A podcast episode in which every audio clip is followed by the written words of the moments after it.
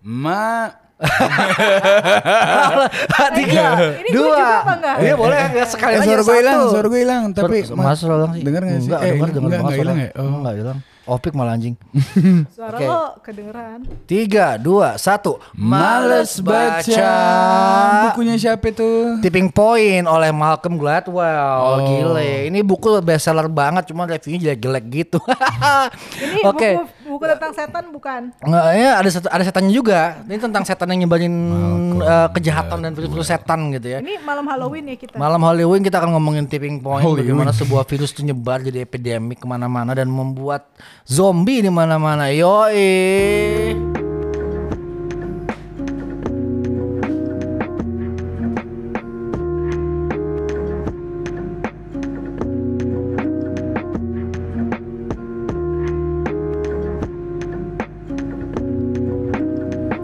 Oke, segitu aja lah lo lihat level-levelnya. Dengerin level-levelnya. Oke. Ya, eh, selamat datang di Malas Baca season 3 episode 2 bersama Rangga dan siapa gak? Ada bintang tamu Mbak Mega. Halo. Tapi bukan Megawati. Kapan-kapan kita undang Megawati kali itu. Ada Ini gue. dong harusnya yang ngok ngok ngok gitu. Oh, nguak, pas gue bilang. Eh salah. udah, udah, udah. Nah, Inilah kenorahan bersama uh, Roadcaster dari Max Studio ya. Kita di sini sama Mbak Mega Madrid lagi dan gue Nosa host monster kalian dan kita hari ini akan bicara soal buku berjudul The Tipping Point oleh Malcolm Gladwell. Iya, jadi em, udah pada baca belum? Belum kan? Belum kan? Oke, bagus bagus. Oke, gue gue udah baca setengah. ini jadi apa adalah novel novel? episode 1 ini adalah buku non fiksi tentang tentang bagaimana eh, ide dan virus itu menyebar ke mana-mana gitu. Ide, ide itu kayak virus berarti. Itu seperti virus. Jadi ide tuh sama virus mirip banget sebenarnya. Lo dikasih satu ide dan lo apa namanya eh, kalau idenya itu nempel ke lo dia nyebar ke mana-mana termasuk ke kepala lo sendiri gitu ya untuk menjadi sebuah tren. Yoi. Jadi eh tipping point ini adalah sebuah buku yang buat gue mencerahkan banget ya mencerahkan banget apalagi beberapa eh, bulan terakhir ini eh, pasca pandemi mulai turun gue jadi kembali bergaul yoi. Kembali bergaul dan eh, apa namanya ngobrol-ngobrol jalan-jalan sama banyak orang. Dan di situ gue menemukan diri gue sendiri sebagai seorang konektor yoi. Jadi intinya tipping point ini ngebahas opening itu selalu dia soal soal ini soal epidemic man bagaimana sebuah virus itu bisa nyebar. Ternyata virus itu nyebar tuh bukan hanya karena virusnya, bukan karena virusnya sticky, ya. Virusnya sticky memang, tapi bukan cuma itu. Tapi karena ada beberapa agensi-agensi yang nyebarin dan agensi ini mesti- berbakat gitu ya. Berbakat dalam hal apa nih? Berbakat dalam hal pergaulan misalnya. Jadi kayak virus-virus seksual kayak HIV atau apa namanya sipilis gitu ya. Itu nyebar karena banyak orang-orang yang PK-PK gitu loh. Penjahat iya, kelamin, penjahat kelamin gitu yang memang ceweknya banyak gitu ya atau cowoknya banyak gitu ya. Yang memang suka untuk berhubungan seksual dengan banyak orang dan itu nyebar karena orang-orang ini memang berbakat menjadi seorang hub gitu ya, konektor gitu ya. Ya maksudnya bukan cuma karena virusnya sendiri gampang menyebar, cuman karena kebetulan cara orang-orang yang ada di sekitar situ hidup apa ya memperbesar kemungkinan virus itu untuk bermutasi gitu gaya Ah, ah, hidupnya. betul, Gaya betul, hidupnya. betul. Virus tuh inang kan. Butuh inang. Inang, tapi kalau inangnya nggak gaul aman. Kalau inangnya inangnya introvert nggak pernah ke mana-mana, karena nggak aman-aman aja gitu ya. Nggak bakal menjadi epidemik. Tapi begitu itu inang gaul gitu ya. Waduh, bahaya sekali untuk peradaban. nah, kalau kita ngomongin soal region, eh, satu bagi satu bagian di buku ini ngomong tentang penyebaran virus di Mana tuh dekat Washington DC itu apa ya, yang orang banyak orang hitam tuh depannya B eh, eh, kok depannya B sih? Brooklyn. Bukan bukan Brooklyn itu New York kan. Eh dekat Maryland, Washington Gua Virginia, nyebutnya. Virginia gue lupa namanya apa ya tempat itu tuh. Di situ tadinya orang hitam banyak ya. Dan di situ tersebar virus sifilis sebagai semacam apa ya belum pandemik ya karena virus itu nyebar hanya di orang-orang miskin di daerah slum gitu ya dan tiba-tiba eh itu menjadi sebuah epidemik di kota itu dan nyebar ke mana-mana di trace ternyata gara-garanya Pemda itu melakukan sebuah eh, apa namanya penggusuran ke slum area jadi mereka nyebar ke mana-mana dan dengan menyebarnya orang-orang ini menyebar, menyebar pula virus virusnya gitu ya Ini kok kayak prostitusi, makanya dilokalisasi ya. Iya, betul, Kalau begitu betul. nggak dilokalisasi, itu ada di mana-mana malah. Betul betul, iya, iya nyebar ke mana-mana. Eh, Jadi itu eh, dan itu terjadi juga karena ada beberapa orang yang passion zero-nya lah istilahnya ya, yang memang orang-orang ini eh, yang apa eh, ketika dia berpindah ke tempat lain dia cukup gaul gitu cukup gaul dan menarik dan lain-lain sehingga ya udah dia nyebarin virus itu ke mana-mana. Sipilis tuh. sipilis tuh. Nah HIV juga sama patient zero HIV coba kira-kira orang kayak apa? Gue rasa kalau kita punya teori HIV itu nyebar dari let's say eh, monyet gitu ya. Terus jenis monyet gitu ya. Terus bagaimana bisa nyebar ke orang ketika penyebarannya itu harus melewati cairan-cairan tertentu gitu. Kalau ludah kan nggak mungkin ya ludah tuh perlu satu galon buat nyebarin HIV pakai oh ludah gitu baru tahu. bukan ludah darah jadi kalau darah orang HIV atau eh, apa namanya virus HIV itu kena di bekas luka lo lo kena. Bukan di bekas luka, di luka yang terbuka. luka terbuka bekas luka juga bisa. Kalau bekas lukanya tuh apa namanya ya, Tapi ya kalau tertutup nggak bisa kalau udah kalau masih ada pori- Benang fibrin. Wah, inti- intinya sih bagaimana cara masuknya ke ke aliran darah. Itu aja sih intinya. Aliran darah. Atau lo makan. Eh, mungkin ada orang yang makan monyet atau gimana gitu ya. Terus nyebar gitu ya. Nah penyebaran ini juga tidak akan besar kalau yang yang sakit awal-awal tuh bukan anak gaul gitu jadi kita menganya- kita kan ngomongin AGJ nih anak gaul Jakarta atau anak gaul Jahanam ya Ih, anak gaul Jahanam ya seru nih, gue seru banget ya. gaul gitu, gue nggak nyebarin. nah kemungkinan lo nggak nyebarin lo nggak gaul soalnya gitu kalau Rangga nyebarin. Aduh. Aduh bahaya sekali gak Itu gimana gak Sebagai Lu anak gaul. Jakarta gak Lo takut gak gak nyebarin virus-virus itu gak Enggak, karena gue nggak punya virus apa-apa. Lo punya virus gak Lo punya virus ide Nah itu lo sebarkan Oh, ke mana-mana Lo iya. konektor. Nah di sini kita akan bicara tentang bagaimana virus itu nyebar. Kalau virus kan oke itu simple ya Bahwa oke ada anak anak gaul nih yang nyebarin virus itu Dengan dia eh, tungs sama banyak orang gitu ya. Tapi Iya. sekarang kalau kita ngomonginnya ide gitu. Nah ide ini dia ngebahas Sebenarnya beberapa review di Goodreads tuh ngebahas katanya dia gak relevan ya Eh, si Malcolm Gladwell ini panjang bukunya penjelasannya banyak cuma nggak relevan menurut beberapa orang. Cuma buat gue sih sebenarnya relevan-relevan aja. Memang cuman pembuktiannya masih nggak agak ngawang. Misalnya gini, dia bicara soal brand Hush Puppies, tau kan Hush Puppies ya itu kayak semacam apa sepatu ya awalnya. Itu favorit gue. Sepatu favorit lo juga ya. Gue gue dulu suka, cuma sekarang benci gue sama Hush Puppies karena nggak awet. Iya. Kan coba Ah, rusak iya, anjing iya. mahalnya setengah mati kan. Cepet rusak. Rusak, gue kayak beli dua kali Puppies rusak dua-dua cepet banget. Kayak sepatu gue yang rajutan yang biasa gue pakai tuh. Hush Puppies kan. Puppies, iya. Iya, gue juga gue juga beli Baru cepet rusak tuh. setahun bolong. Makanya. eh kita nggak mau jelek-jelekin brand nih. Gak apa-apa. Oh. Cuman terlepas dari itu semua, Spapis jadi gede tuh ceritanya adalah gara-gara sekelompok bocah-bocah di Brooklyn itu eh, anak-anak indie gitu ya emang suka suka sk- apa sk- eh, skateboard gitu ya suka moto-moto Oh. diri sendiri apa segala bikin zine-zine gitu indie. Eh, mereka beli Hush Puppies. Nah waktu itu Hush Puppies masih local brand gitu loh jadi nggak nggak banyak yang tahu gitu. Tapi begitu sepatunya keluar gitu ya ada logonya Hush Puppies di situ orang pada mulai beli dan Hush Puppies dapat suntikan dana gede dari investor. Dan hari dia ke mana-mana termasuk ke, fas- ke, ke, ke, ke, ke, ke apa namanya fas- fashion Eropa dan lain-lain gitu ya. Dia jadi bersanding dengan Versace, Dolce Gabbana dan lain-lain itu karena dia dipakai sama bocah-bocah Brooklyn.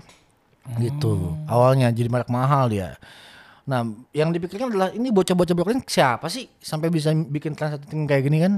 Ini siapa sih anak-anak ini? Gitu. Ya ternyata mereka emang kelas menengah menengah toh ya nggak atas nggak bawah ya. Karena emang bergaul aja gitu dan mereka memang anak-anak yang yang Trendsetter. trendsetter dari awal. Trendsetter. mereka trendsetter. Influencer, ya. influencer. Pada zamannya ya sebelum Iya, ada iya. Instagram dan sosial Oh media iya, lain-lain ya. Influencer kan eh, Heeh, dan pokoknya mereka yang mereka punya media-media khusus ya media-media apa namanya indie yang buatan sendiri yang zaman dulu kita suka uh, bikin tuh zin-zin ko- Iya, fotokopian atau apa majalah-majalah indie gitu dan apa namanya ketika itu menyebar dan gaya hidupnya kan menyebar ya namanya juga skateboard gitu ya gila kan gitu tapi lu bayangin skateboard pakai boot gitu kan lucu gitu ya kayak wow lo semua orang pakai Iya. Nike lo pakai boots gitu kan kayak Fans lah, fans, fans gitu. gitu. Fans, Fans. betul betul fans Macbeth Macbeth ya. Iya, ya. Macbeth. Gitu kan tuh anak skateboard semua tuh kan sama anak-anak ya dan fashion fashion dia kan emang aneh-aneh. Nah pertanyaannya abis itu eh, apakah itu cukup? Oh nggak nggak cukup. Ternyata marketingnya juga harus jalan gitu. Dan bagaimana di idea sticks to to to people's head. Eh, tentunya dengan brand brand Hush Puppies tuh eh, secara nama dan brand juga kuat eh, untuk punya stickiness itu. Nah stickiness inilah yang di, di- di- juga dibahas di bab-bab selanjutnya. Nah tapi sebelum kita masuk ke bab selanjutnya soal stickiness kita bicara bicara soal agensi-agensi dulu ya. Agensinya ini kurang lebih sepanjang yang gue baca itu ada dua. Pertama ada namanya Mayfic, Maven, Maven kayaknya lupa gue. Nah itu eh, adalah orang-orang yang tahu banyak tentang segala hal gitu. Jadi kalau lo misalnya ke Jakarta nih, lo pengen jalan-jalan ke tempat-tempat underground, lo ke Mas Merangga. Yoi. Rangga, bawa kami ke tempat-tempat disko darurat gitu kan. Kayak, wow, iya kan? Iya, bener. Di mana lo bisa dapat minuman eh, event-event asik gitu gak? Di mana gak? Yang paling dekat di mana gak? Yang paling dekat? Yang paling deket. Halloween, Halloween, Halloween. Dari tempat kita sekarang ya. Wah, deket tuh gue bikin acara Halloween hari Sabtu. Jarak berapa kilometer paling di Pondok Labu gitu situ. Yo, Pondok Labu. Di Pondok Labu. Namanya apa namanya? Nama tempatnya Wamami. Wah mami datang semua ke Wamami ya. Nah itu namanya Maving tuh. Dia dia tahu tempat-tempat gitu. Dia tahu dia tahu tempat-tempat. Dia tahu barang-barang. orang-orang yang sering lewat Pondok Labu aja nggak tahu di mana emang ada bar gitu di Yo, Pondok iya. Labu gitu. Yo, Gue gue iya. cukup ya. bangga, gue cukup Gila. bangga. Nyelip, nyelip di antara tempat laundry sama tempat apa gitu. Gitu. Itu bar-bar itu Tempatnya kecil kayak coffee shop. kayak coffee shop. Tempatnya kecil kayak coffee shop isinya kulkas kulka, kulkas semua itu isinya bir soju. Eh, ke- ke- Oh ada sojunya Amer juga. Berarti kelas-kelasnya juga kelas-kelas kalau bersoju tuh berarti kelas-kelasnya bukan bukan kelas-kelas yang Bukan ya. remang-remang. Bukan remang-remang. Bukan remang-remang. Tuh kawan-kawan bayangin Lo ngomong sama Mavic kayak Rangga Dia tahu tempat yang bukan remang-remang Ada di pojokan Pondok Labu gitu ya Wah mami ya Dia jual apa lagi selain bar Ada apa lagi situ Oh, kalau makanan gue gak pernah bar ya? makan di situ. Dia Korean bar. Enggak Korean bar. Oh. Apa ya? Bar aja sebenarnya. kayak kayak kayak ini kayak kayak beer mart, kayak kayak beer market. Eh Soalnya lagi happening Korean bar sekarang. hmm, Oh, bukan iya, iya. bukan bukan. Jadi begitu kawan-kawan Kalau kita ngomong sama Mavic gitu. sama Rangga Lo pengen tahu bar di Jakarta yang nyempil-nyempil Tapi nggak remang-remang Murah ya. lagi. Murah lagi Nah lo kerangga Itu dia Mavic tuh Dia nyebarin ide itu ke mana-mana gitu Apalagi kalau dia connector Ketemu connector dia orang gaul Nah bedanya apa sih Mavic sama connector Mavic ini dia tahu tempat, dia tahu referensi. Misalnya kalau kita ngomong sama Mega, kita ngomong soal misalnya, Meg, eh, satelit paling baru yang kita yang kita lunjukin apa sih Meg misalnya? Satelit Telkom. Terakhir, Telkom terakhir. Iya. Tahun berapa tuh? tahun kemarin. Tahun kemarin tuh bayangin. Dia Mavic di bidang itu gitu. Dia punya semua referensi-referensi ngomongin satelit dan benda-benda eh, antariksa yang kita luncurkan ke atas gitu misalnya dan eh, soal hukum-hukum antariksa misalnya. Sementara konektor itu orang yang ngebawa orang-orang yang pengen tahu Barang hal itu, betul. ke sumber informasinya. Sumber informasinya. Gitu. Nah, jadi eh, konektor adalah misalnya oke, nih gue punya duit kebanyakan nih mau gue apain ya gitu kan. Gue pengen ber- apa sih pengennya di hidup ini? Oh, gue pengen berperan besar di hidup ini ya gitu. Terus kenalin lah ke Mavicnya misalnya gue gitu. Oh, gue punya yayasan film nih gitu kan. oh, Middleman ya, middleman. middleman. Kalau di bisnis namanya middleman. Middleman, nah ini middleman tuh konektornya. Nah bedanya sama Mavic, kalau Mavic tuh eh, dia sukanya tuh sama barang atau sama referensi-referensi bertempat gitu ya. Dia tahu banyak soal tempat, barang, eh, apa namanya teks-teks gitu ya. Tapi kalau konektor tuh sukanya sama orang. Dia apal sama orang namanya siapa, siapa kenal siapa. Jadi ketika lo kenal sama si orang konektor, dia akan nanya, eh gak, lo kenal Denia nggak? Denia mana? Denia Kumparan. Oh, gue kenal ya. Oh, iya. gitu. Jadi ketika gue ngomongin soal Denia, terus kita ngobrol dan kita bisa lebih jauh lagi ya Denia ya. Iya, Denia mau dengerin Itu gua- semua. Iya jadi gue tuh beberapa waktu yang lalu kan ya random aja kan di YouTube ya terus gue ngeklik. Jadi bedanya anak gaul Jaksel dengan anak anak gaul Jakarta Utara gitu kan. Anak gaul Jaksel itu lu bener-bener yang dilihat adalah koneksi lo. Lu tuh kenal sama siapa. Jadi lu baru bisa Iya. misalnya lu lu Rangga sama Nosa kenalan nih eh, lu bakalan hubungan lu bakalan lanjut itu berkenalan. Kalau misalnya lu tahu temennya Rangga siapa eh, temennya Rangga adalah teman lo juga atau sebaliknya gitu. Tapi kalau misalnya lu nggak tahu si Rangga ini temennya siapa nggak mau gitu nggak mau kenalan. Itu anak Jaksel tuh kayak gitu. Tapi kalau Jak- anak Jakarta Utara itu adalah lu punya apa yang dipakai sama ba- baju lo? Brand brand di baju lo. Itu Iya, iya, itu iya. pengaruh banget di Jakarta Utara. Kalau di Jakarta Selatan temen lo siapa Oke, ya itu itu kan kayak kita Se- kita seberapa banyak influence-nya sih temen lu gitu. Ah, iya gitu gitu. Nah ini ini hal-hal yang kita lihat stereotipikal uh, kita lihat uh, di beberapa daerah di Jakarta ya tentang uh, bagaimana lo bisa berkoneksi dengan orang lain gitu tentang referensi apa yang lo pakai atau teman siapa yang lo kenal gitu ya. Nah itu sebenarnya gue ngomongin agensi itu ngomongin agensi idea ya. Seperti tadi idea khas papi dipakai sama bocah-bocah gitu. Nah sekarang kalau ide- idea-idea tadi seperti virus lain juga. Kalau virus virusnya HIV di ada di kena sama orang gaul yang suka ML gitu orang PK ya tem- ke mana-mana. Cuma kalau misalnya virus-virus cinta mungkin nggak ke mana-mana kan? Jadi Ahmad Dhani lucu banget. kalau virus seks oke gitu. Virus cinta nggak ke mana-mana dia. Anyway, jadi ya itu, jadi eh, kita habis itu bicara soal idenya sebenarnya. Oke, ada konektor, ada Mavic gitu ya, ada orang-orang yang bikin jalur buat ide ini jalan dan nyebar ke mana-mana gitu. Dan apa eh, sekarang gimana caranya buat idenya nempel gitu sama orang gitu. Itu pertanyaannya ut- utamanya gitu. Bagaimana Ini dibahas juga tuh, dibahas. juga. Dibahas. Mantap. dibahas. Jadi intinya adalah gini, tipping point itu, tipping point adalah sebuah poin di mana ide atau virus atau apa pun itu tiba-tiba nyebar berat gitu, gede gitu. Itu tipping pointnya. Dan kita tidak akan menemukan tipping point tanpa kita tahu, jalurnya apa dan idenya apa. Karena nggak semua ide bisa kayak gitu. Oh. Dia kasih contoh misalnya eh, tentang apa The Tea Party, Boston Tea Party. Waktu Inggris mau menyerang Amerika eh, dan waktu itu eh, ada orang-orang yang pakai kuda untuk ngasih tahu orang-orang lain bahwa Inggris akan menyerang Amerika gitu ya di di, di Boston gitu misalnya. Nah eh, beberapa orang kenapa hanya satu dua orang yang yang apa yang benar-benar bisa bawa ide itu ke mana-mana, tapi ide orang lain nggak bisa, padahal sama idenya gitu. Ternyata hubungannya dengan tadi, dengan dia apakah dia seorang Mavic, apakah dia seorang connector. Kalau Mavic berarti kan dia punya repu- reputasi bahwa lo politikus, lo ngerti siapa, lo kenal siapa, bahwa kalau lo ngomong ada impactnya. Kalau dia connector, gue percaya sama lo gitu karena lo connect connect orang-orang gitu. Jadi jadi ide tuh bisa sama, tapi kalau yang bawa salah nggak nyampe. Gitu. Ada juga yang bawa bisa benar, tapi kalau idenya salah nggak nyampe. Nah ide salahnya kayak gimana? Nah dia juga ngebahas tuh ide salah tuh kayak apa. Ide salah adalah ide yang eh, nggak stick, Ya, nggak nempel ke orang, nggak nggak sticky, nggak sticky itu ide. Dia bahas dengan apa coba? Dengan Sesame Street dia bahas. Bagaimana Sesame Street itu punya tujuan untuk bikin acara televisi yang bisa mendidik anak-anak dan mereka melakukan penelitian bertahun-tahun sampai puluhan episode, puluhan season hanya untuk tahu bagaimana bisa sticking this idea of literacy ke anak kecil. Jadi bagaimana anak-anak yang tidak sekolah dengan baik ya, yang sekolahnya buruk gitu atau tidak punya akses ke sekolah bisa nonton TV bisa bisa baca. Gitu. Kita belajar bahasa kita belajar bahasa Inggris dari situ kan? Iya, bahasa Inggris dari situ kan. Waktu kita masih kecil. Gua enggak. Iya. gua sih banyak di situ sih A B C ya apa si apa si uh, uh, sama namanya si Cookie Monster lah gitu Cookie Cookie itu kan kayak gitu, gitu. atau Elmo ay. Itu kan uh, Bert and Ernie itu apa dua dua dua gay yang kita senang ya. Pasangan gay yang kita Gue nggak suka pernah, gue nggak pernah tahu ceritanya Sesame Street itu kayak apa. Eh gue gak tahu malah itu Nggak gay. pernah gua. Bersama gitu dia penanaman ide ide gay gay couple tuh Bert and Ernie itu kan. Gay couple banget yang satu chaos banget yang sangat terstruktur kan. Si Bert sangat chaos Ernie sangat eh Bert sangat struktur Ernie sangat chaos gitu kan terus yang mereka saling menyayangi kan? Dan kita nggak tahu apakah mereka adik kakak apa bukan. Awalnya gue pikir pikir adik kakak kan cuma nggak Iya. pernah ada yang ngomong kalau mereka adik kakak gitu. Nggak ada yang pernah bilang mereka brothers gitu gue ya. pikir ini eh, teman sekosan. nah habis itu kan muncul kayak Avenue Q misalnya. Avenue Q tuh teater di Broadway yang pakai boneka juga tapi sangat-sangat tidak sopan ya. Kayak bisa mereka bisa nyanyi kayak the internet is for porn the internet is for porn grab your dick and double double click. For porn porn porn. Kayak gitu.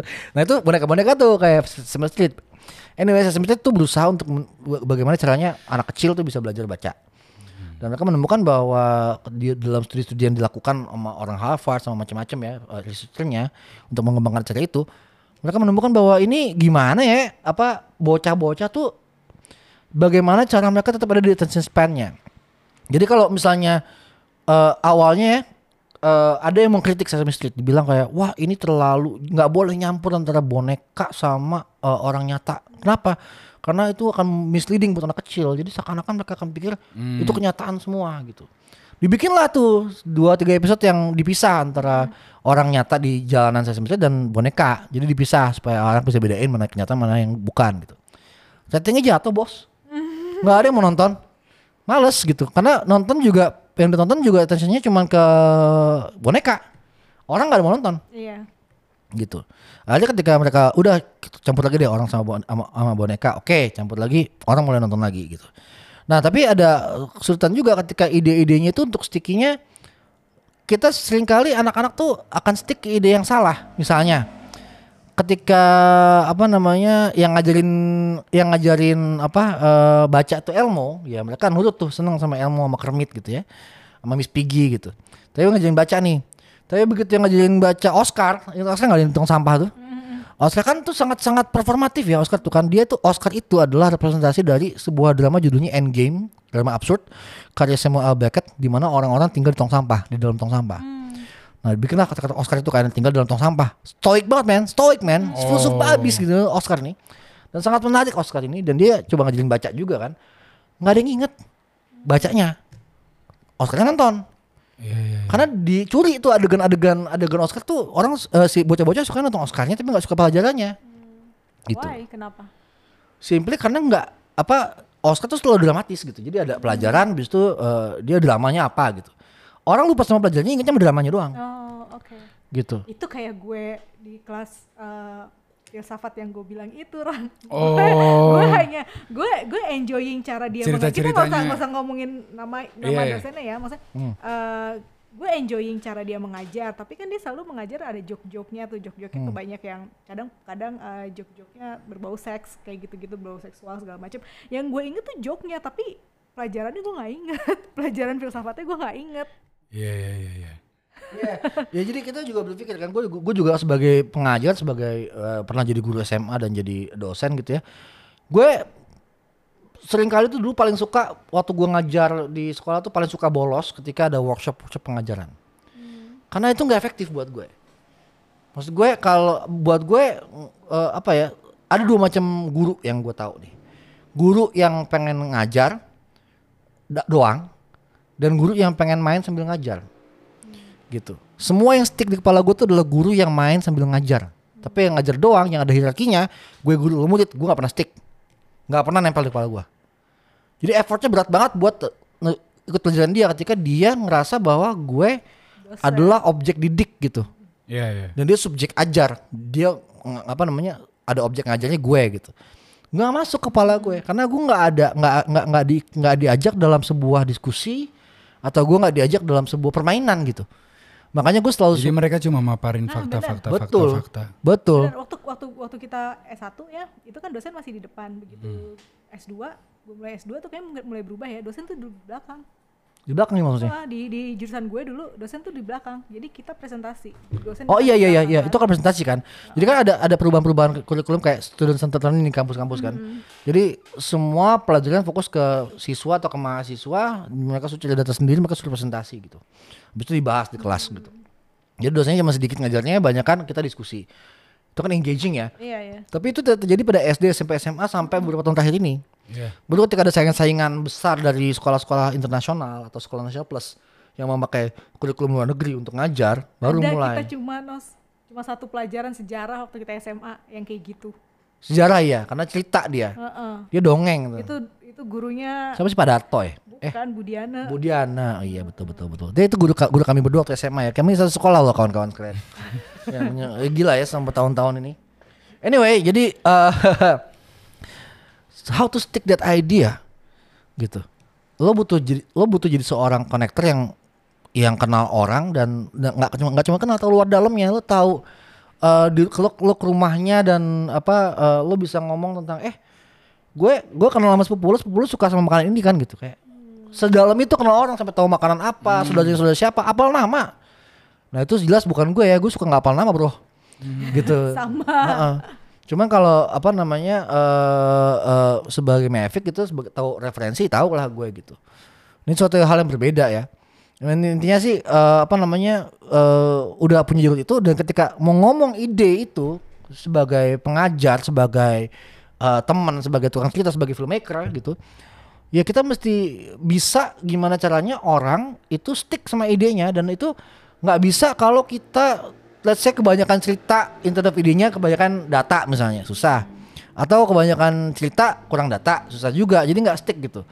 Nah how to make an idea stick itu gitu. Jadi let's say lu punya orang yang benar lu butuh ide yang benar. Dan ide yang benar itu susah banget dapatnya lo mesti ada peer review peer review berkali-kali sampai ide lo sangat apa ya matang gitu matang untuk diomongin ke orang lain dan lu udah ngulang-ngulang ngomong itu jadi sehingga lu bisa tahu gitu gampang buat buat tempel di kepala lo gitu Em, kalau masalah karakteristik eh, ide yang sticky itu yang bagaimana yang bagaimana yang bagaimana ada nggak? Ada dong. Gue belum selesai bacanya ya. Ini kan part 1 ya. Nanti part 2 kita akan ngomongin minggu depan.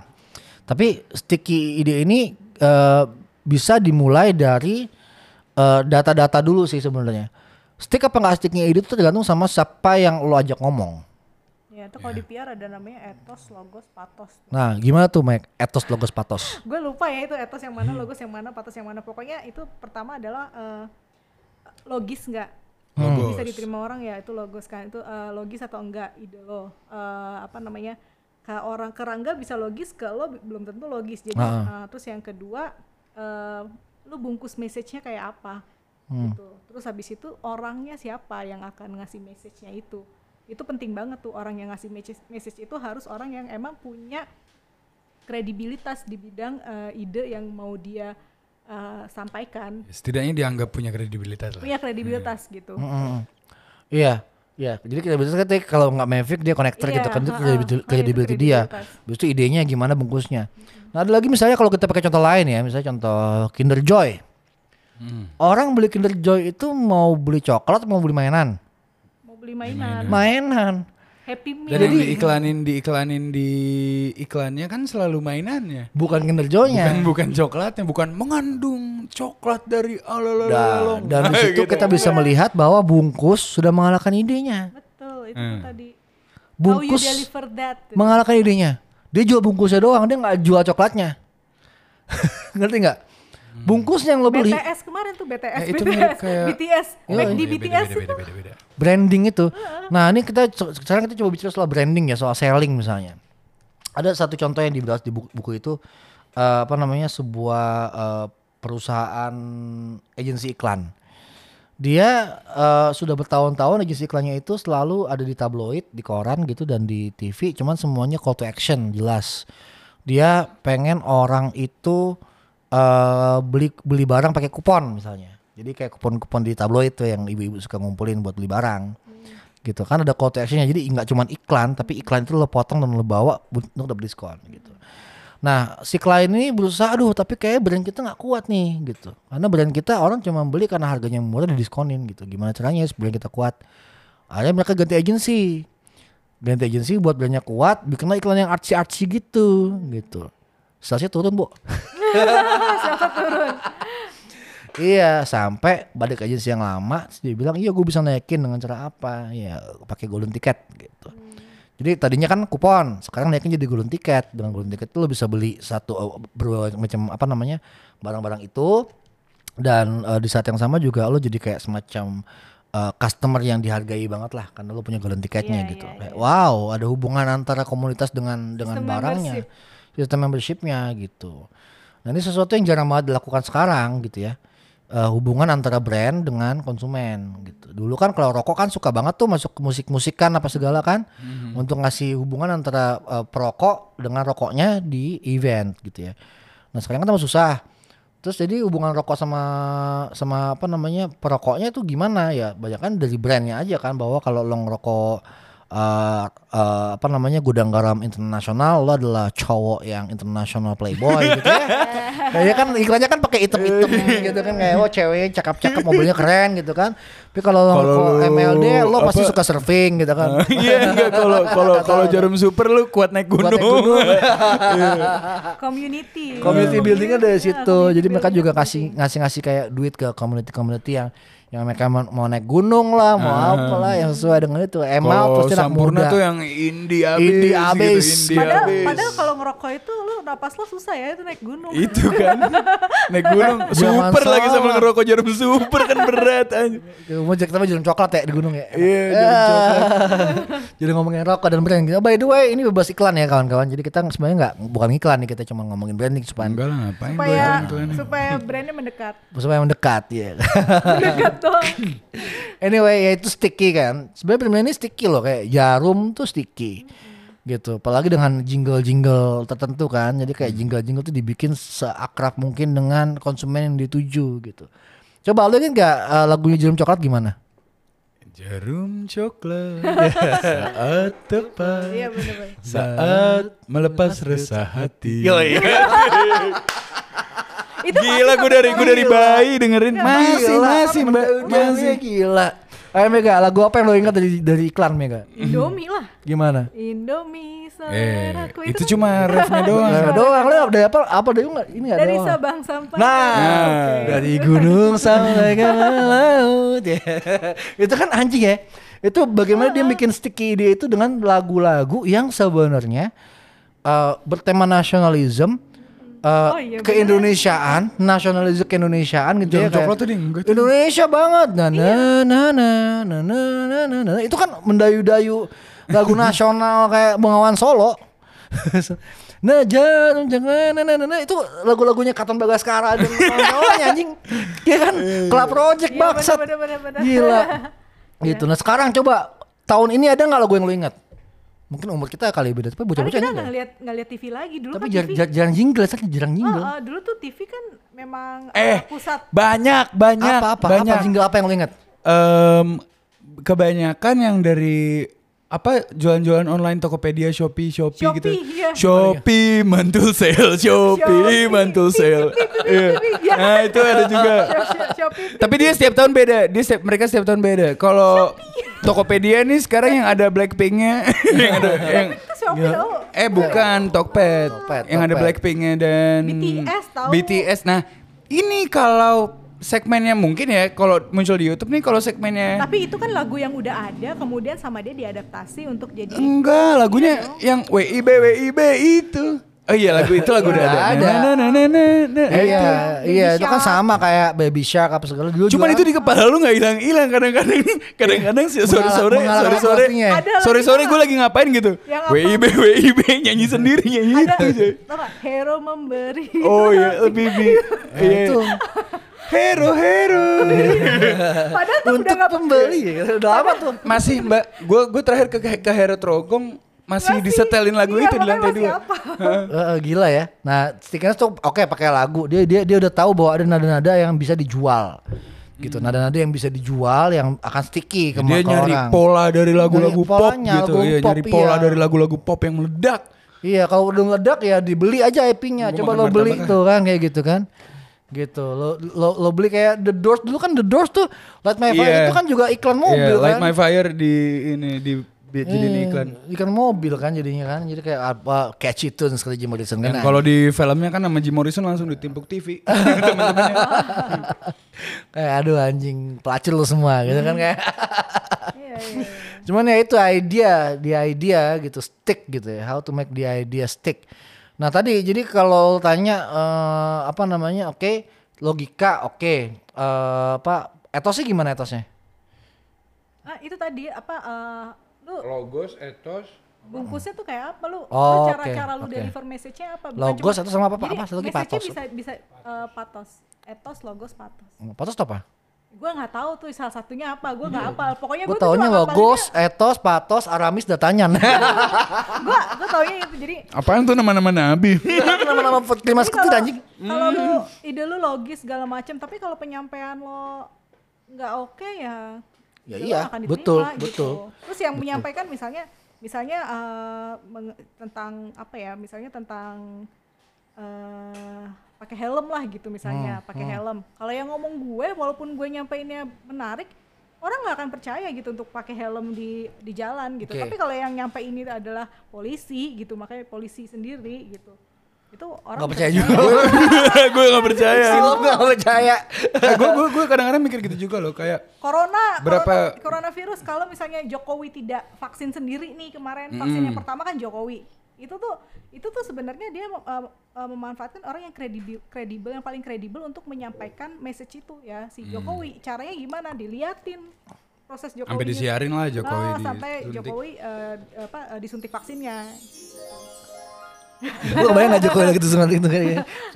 Iya dan gue gue juga ini ini aja sih. Gue juga ngerasa waktu zaman gue lebih getol-getolnya baca setiap bulan ada aja yang dibaca itu orang lebih nggak ada yang percaya sama gue karena gue ngomongnya mungkin awalnya terlalu serius dan bawaannya udah udah udah mau ngomel duluan, udah mau ngomel karena dalam pikiran gua anjing mereka pasti nggak bakal percaya sama gua karena iyalah bla bla bla bla bla gitu. Sekarang gua lebih lebih lebih lebih nggak baca, lebih santai, tapi orang malah lebih percaya. Mungkin juga cara penyampaiannya juga. Dulu juga awal gue baca filsafat juga orang pada bete sama gue ya karena kayak disconnected gitu. Disconnected sama orang gitu. Jadi harus harus bisa ngomong sesuatu yang secara kontekstual tuh orang bakal nyambung. Sekarang misalnya kayak dan kadang-kadang kalaupun kadang-kadang kalau nyambung pun orang benci juga sih sama gue kayak misalnya kalau ketika gue ngomong menurut gue Islam Miraj itu eh, Nabi, Nabi Muhammad itu bukan dia naik ke langit tapi dia baca buku misalnya. Kejebak Atau enggak ngejamur. Nggak ngejamur. Wah, kita bisa nggak tuh gitu itu- itu itu itu nggak itu. boleh itu itu nggak boleh itu kawan-kawan. Nggak boleh ya kawan-kawan ya. Dia ngomong kayak gitu. Itu menurut agama ya kawan-kawan. Jadi kayak itu itu makanya gue juga udah ngomong kayak gitu lagi sekarang ya. Jadi jadi nggak boleh ya. Anyway ide-ide itu tapi ide-ide kayak gitu juga suka suka menyebar juga maksudnya Iya, iya, kalau iya. mau tongkrongan ngomong kayak gitu gitu karena itu ide kayak that's a that's a an awful Wah, gue pernah punya gitu. punya ide yang sampai terkenal ke tongkrongan-tongkrongan lain. apa tuh Yaitu adalah kehidupan ini adalah trip buah kuldi. Jadi kita lagi giting buah kuldi sekarang nih selama Sebenarnya kita semua di surga tapi kita bikin lupa. Ah, Di surga karena ah. kita semua mabok-mabok dulu. Iya kita lupa bahwa kita di surga. Anjir gitu. ya ampun dah That's a good, that- that's a good idea. Iya. Iya iya dan Nyambung dan pada kayak "Ih, keren juga orang keren juga kalau gitu. kalau ide lo kayak gitu ya kalau misalnya itu kayak eh, apa kita beneran di surga harusnya orang tuh nikmatin gitu nggak nggak usah Iya kan kita tripin, tripin buah kuldi. Uh. Nah, tuh. aduh tripping wakul di gila. Ternyata iblis itu. Eh, jadi jadi begitu. Eh, apa namanya dan kita ketika kita bicara soal eh, agama misalnya dia kan nyebar ke mana-mana juga tuh. Nah itu kan ada sistem cara pengajarannya yang yang yang kalau misionarisnya atau ustadznya jago kayak Dan situasi-situasi yang dimanfaatkan sih. ah, ah, betul betul. Iya. Gitu semakin dia bisa retorik situasi dimanfaatkan gitu ada kebutuhan-kebutuhan itu ya udah nyebar semua idenya gitu itu nah pertanyaan utamanya kan tipping pointnya di mana? Karena dia percaya ada tipping point soal ide itu. Ada satu poin di mana semua jadi pecah gitu. Hacep gitu ya. Gitu. Oh di mana tipping point sebuah ide itu bisa nyebar? Itu permasalahan dibahas di bukunya.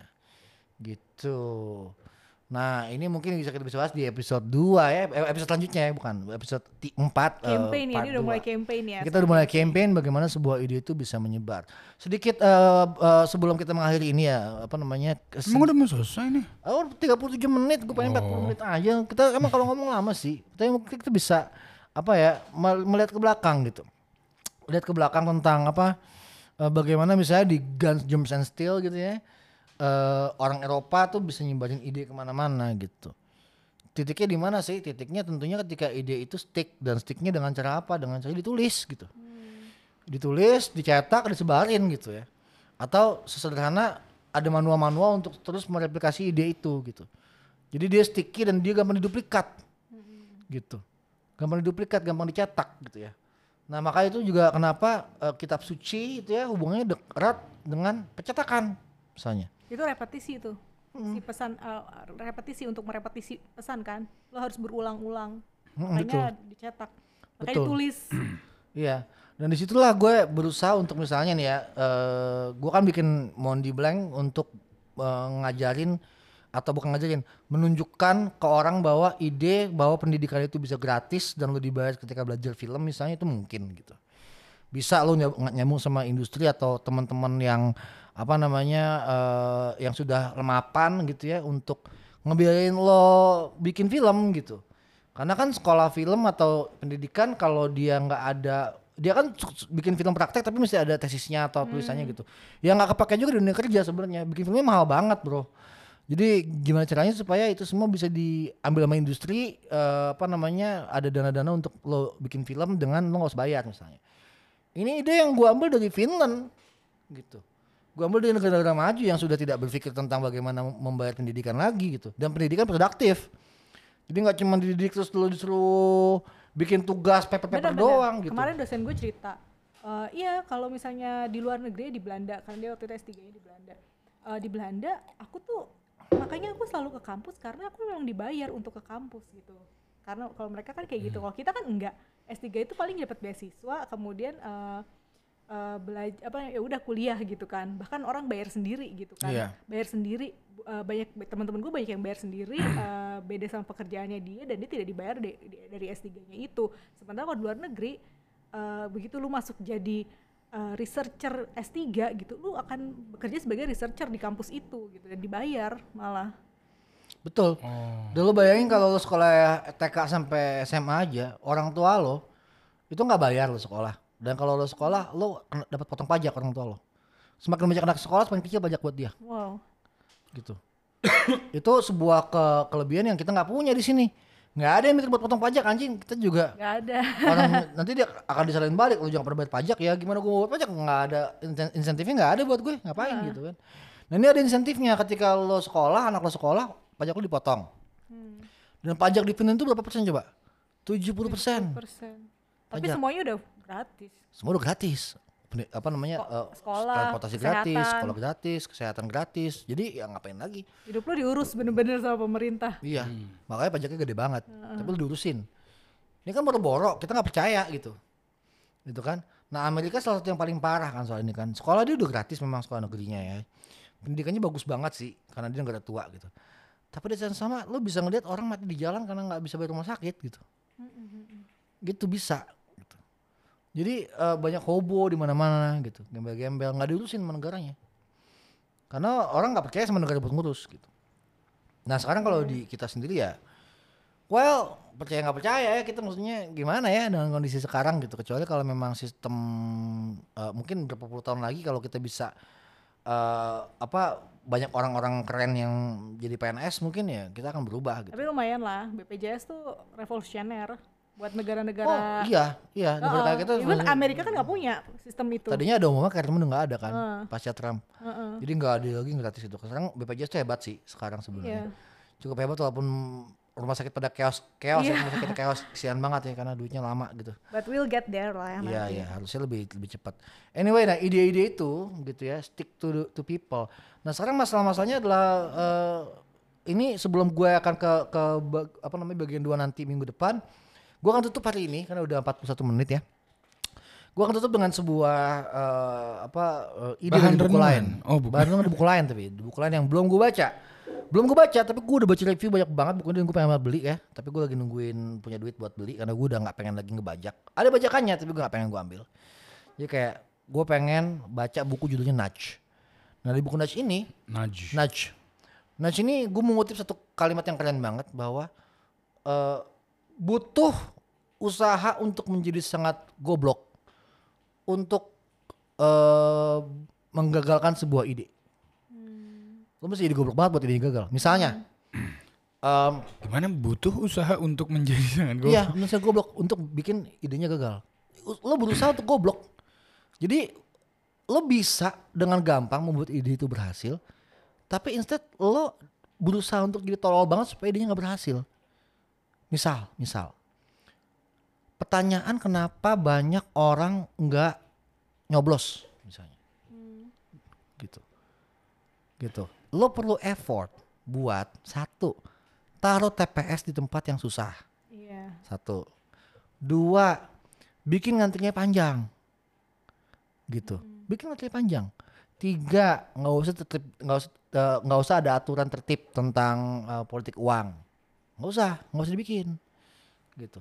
Intinya kegagalan-kegagalan eh, selama ini mungkin hidup kita sendiri juga itu adalah karena kegoblokan kita kita kasih usaha. Kenapa kita bisa miskin misalnya, nggak punya duit gitu ya?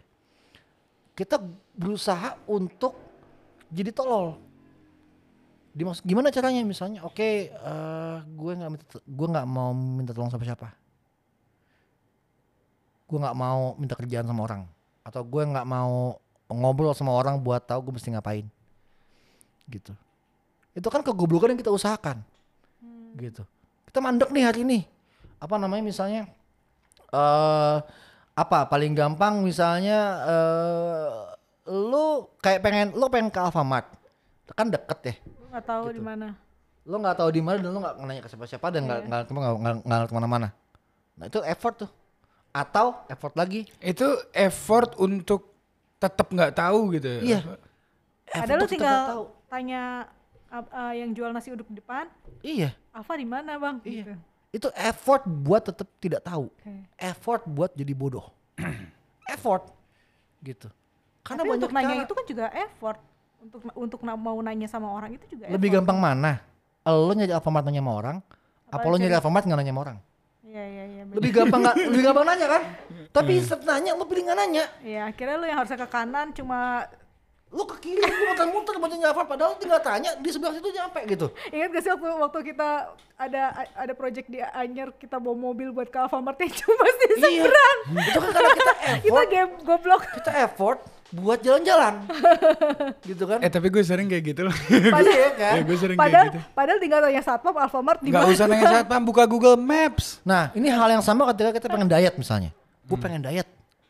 Gue gak bisa-bisa selalu gagal diet gue. Perlu effort supaya selalu gagal diet. Effortnya gimana? Misal, dicontohin di buku Nach yang belum gue baca ini yang baru. Terima baca aja kalau besok-besok dikatain gendut. Itu kan Bukan effort. Gitu. Bukan gitu. Effortnya tuh gini. Isi GoPay lo terus isi. Gue tuh. ya GoFood lo tetap asa tetap ada jadi Iya. akses lo ke makanan enak tuh gampang satu lo nggak jadi lo bikin eh, effort ke pokoknya effort tuh adalah menjadi gagal. Itu effort lo. Karena lo bikin gampang. Gitu. Lo bikin gampang buat makan enak. Buat makan ma- buat makan nggak sehat lo bikin gampang. Sekarang lo bayangin kalau eh, apa namanya lo bikin effortnya susah. Jadi lo pengen diet nih, lo tahu nih, oh gue pengen diet. Lo kalau beneran pengen diet ya, kalau beneran pengen diet, gitu, effortnya lebih gampang sebenarnya, gitu. Kayak oke, gue akan batasin uh. GoPay gue. Jadi susah dapat makanan pakai GoPay. Kedua, belanja gue nggak banyak di rumah. Jadi kalau masak seadanya. Itu yang kita sebut gaya hidup minimalism. Lo bikin effort yang lebih mudah untuk jadi lebih sehat sebenarnya.